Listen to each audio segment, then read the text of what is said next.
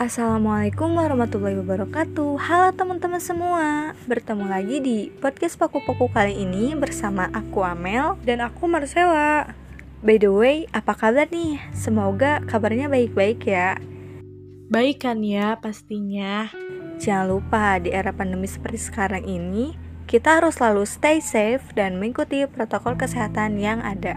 Nah, bener banget tuh teman-teman Jangan lupa minum vitamin juga ya, supaya imun tubuh kita terjaga. Oh iya, di podcast kita kali ini bakalan ngebahas apa aja nih, Sel? Di podcast kali ini berbeda dari sebelumnya loh.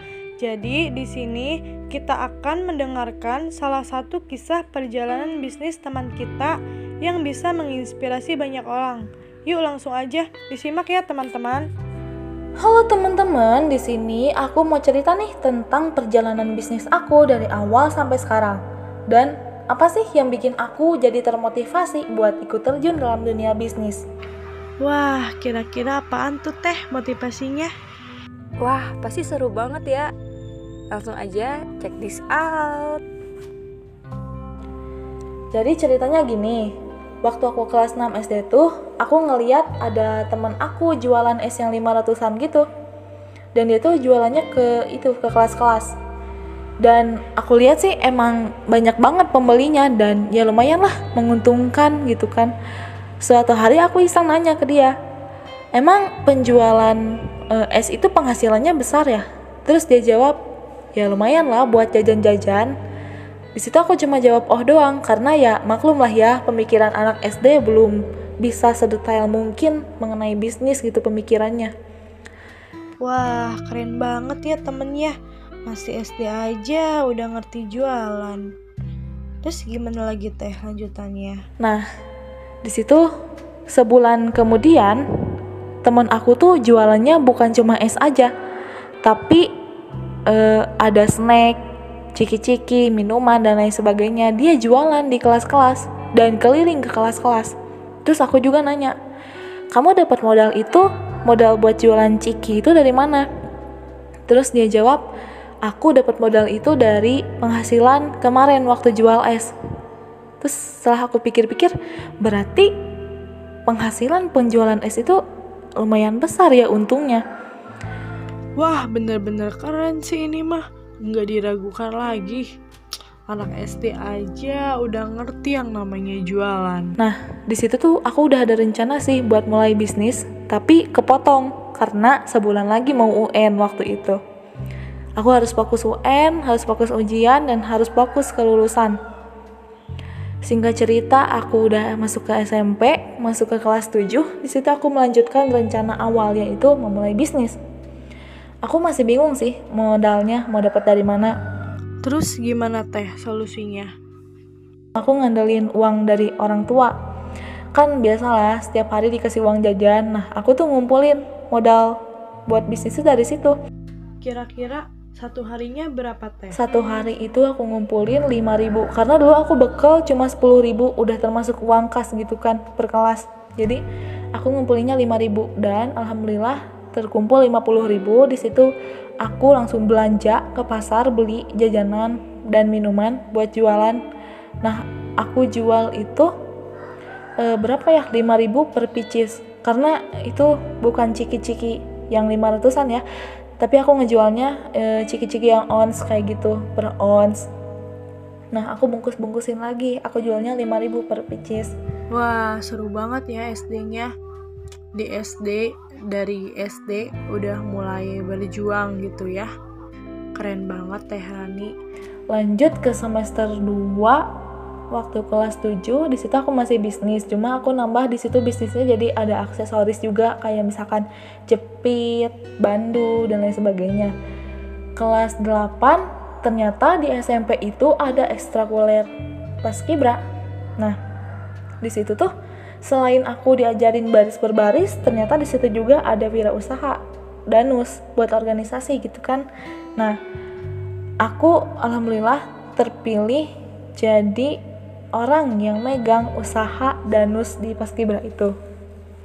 Waktu itu aku disuruh bikin rencana buat penjualan harus kayak gimana terus bikin rancangan buat menu-menu makanan yang akan dijual apa aja dan harganya mau gimana gitu kan nah di situ alhamdulillah lancar aku waktu pas kibra itu ngejual makanan kayak bola-bola susu cheese roll oreo goreng karena lagi musim-musimnya waktu itu kan Alhamdulillah laku sehari itu dapat untung 100 ribu dengan modal awalnya itu 50 ribu. Dari pengalaman itu apa aja sih yang teteh dapat? Nah, dari pas kibra itulah aku dapat gimana caranya buat ngembangin bisnis dan gimana caranya agar bisnis itu tetap bertahan gitu. Wah, keren banget ya. Jiwa usahanya jadi semakin meronta-ronta. Yuk lanjut lagi ke kisah selanjutnya. Singkat cerita, aku naik ke kelas 9. Kelas 9 aku di stop dulu karena memang aku harus fokus ke UN karena mau masuk ke SMA kan, harus ada kelulusan juga.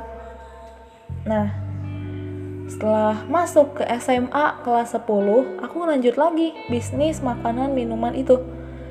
Yang eh, kelas 8 sempat berhenti sih, kayak bisnis makanan yang 5000 per pieces itu. Nah, aku lanjut lagi kelas 10 SMA. Kenapa kelas 8 sempat berhenti teh? Karena di situ aku bener-bener pingin cari ilmu dulu buat bisnis itu seperti apa. Aku dapat ilmunya dari pas kibra ya walaupun sedikit lah, nggak banyak gitu. Nah, kelas 10 aku lanjut bisnis makanan dan minuman. Terus aku dapat kabar dari teman aku namanya tuh Novia ya. Nah, dia tuh bilang e, ini kalau misalkan kamu mau bisnis, coba kamu pakai aplikasi ini. Itu lumayan bisa bikin kamu untung banyak dan itu pembelinya juga banyak gitu.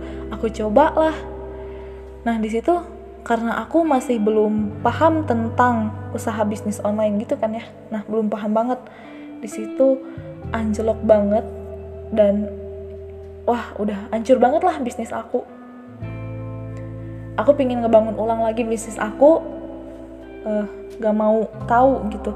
Aku pingin bisnis yang besar yang tadinya kecil terus sempet gulung tikar. Gulung tikar tuh artinya rugi gitu kan ya. Nah nantinya pengen jadi uh, pengusaha yang besar peng pengusaha pemuda yang besar wah gitu. pantang menyerah banget ya ternyata Teh Rani kalau peribahasa kata saya nih kayak gini walaupun ada badai tapi tetap diterjang Yuk lanjut yuk ceritanya.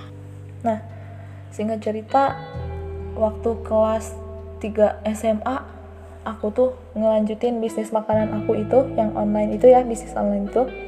Ternyata tiba-tiba ada yang menghubungi dari pihak feeding organizer gitu. Dia ngajak kerjasama, kayak misalkan catering dan lain sebagainya, terus aku terima. Tanpa ada pertimbangan apa pun, aku langsung terima. Karena apa? Aku tahu di situ Allah menciptakan menyiptakan gitu ya takdir buat aku buat bisnis aku supaya bisnis aku lebih maju di situ aku kerja sama sama WO dari situlah dari WO itulah benar-benar nyebar bisnis aku. Dan waktu kelas 11 itu aku sering banget jadi perwakilan sekolah buat hadir di acara seminar gitu. Seminar, webinar, dan workshop tentang e, bisnis. Di situ aku selalu ikutan dan alhamdulillah di situ aku banyak ilmu yang bermanfaat ilmu pengetahuan dan wawasan. Terus aku juga tahu gimana uh, trik dan tipsnya supaya bisnis itu tetap maju dan gak anjlok gitu nah dari situ aku berkembang terus kerja sama sama WO dan aku udah tahu trik-triknya untuk bisnis itu Wah, seperti apa apaan tuh teh triknya Sebutin dong teh biar teman-teman gak pada kepo. Hmm, triknya itu uh, dalam bisnis itu yang pertama berdoa, berusaha, ikhtiar dan tawakal. Itu selalu menjadi motivasi saya. Dan gak mungkin lah kalau misalkan kita bisnis, kita diem-diem aja. Kita juga harus gerak. Kalau misalkan bisnis kita mau maju, kita harus gerak. Itu yang menjadi tips bagi saya untuk memajukan bisnis. Bener banget nih teman-teman. Kalau menurut aku ya, usaha tanpa doa itu gak ada artinya. Apalagi kalau doa tanpa usaha. Itu mah bukan ciri-ciri pejuang bisnis. Singkat cerita, saya udah naik ke kelas 3, bisnis udah maju, udah kerja sama-sama WO, dan saya juga kerjasama sama organisasi di sekolah. Kerjasama dengan pihak-pihak di luar sekolah seperti bank dan lain sebagainya. Di situ benar-benar bisnis udah meluas dan alhamdulillah sampai sekarang saya sudah terbeli e, maksudnya tercapai keinginan saya satu persatu. E, terutama saya dulu pingin banget punya handphone sendiri. Pingin beli sendiri. Alhamdulillah terbeli oleh uang dari usaha sendiri. Dan di situ benar-benar saya benar-benar bersyukur dan sadar diri bahwa e, Allah itu maha membolak-balikan hati dan tangan manusia itu benar-benar. Yang dulunya jatuh bangun pasti kehidupan tuh pasti ada jatuh bangunnya gitu kan nah aku bisnis dulu maju terus anjlok terus maju lagi. Kita nggak tahu ke depannya mau seperti apa. Yang penting kita harus berusaha bisnis kita harus tetap jaya gitu. Nah setelah itu setelah wedding organization eh, bekerja sama dengan saya ada juga dari perusahaan percetakan kaos. Dia juga ngajak kerjasama buat uh, usaha makanan gitu.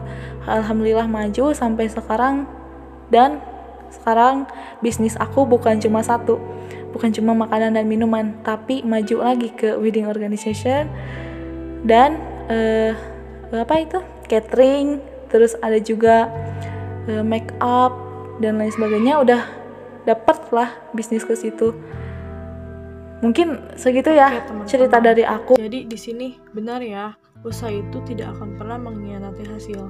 Jadi seberapa kita kuat berjuang, maka hasilnya itu tidak akan mengecewakan.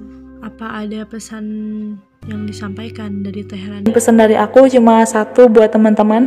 Kalau mau bisnisnya maju, tetap berusaha, berdoa dan ikhtiar, juga tawakal. Jangan pernah berhenti dan putus asa, terus semangat. Jangan pernah mendengar uh, apa kata hati yang buruk. Jadi kayak misalkan kata hati, ah kamu bakal bangkrut. Jangan didengar, tapi jadikan itu sebagai motivasi.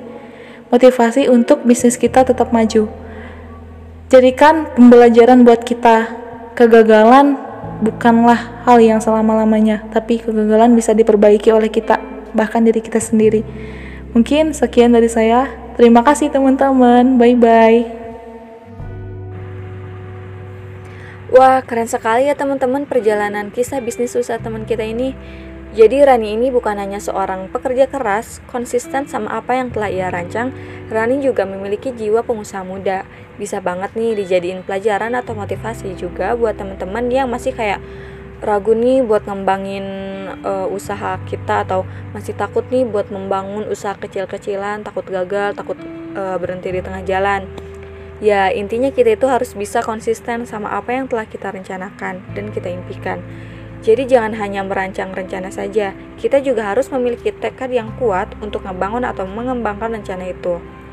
Dan jangan sampai nih teman-teman takut sama yang namanya gagal karena pepatah mengatakan gagal adalah sebuah kunci kesuksesan. Jadi harus maju terus pantang mundur walaupun kita harus melewati seribu rintangan sekalipun. Benar banget tuh apa yang Amel bilang tadi.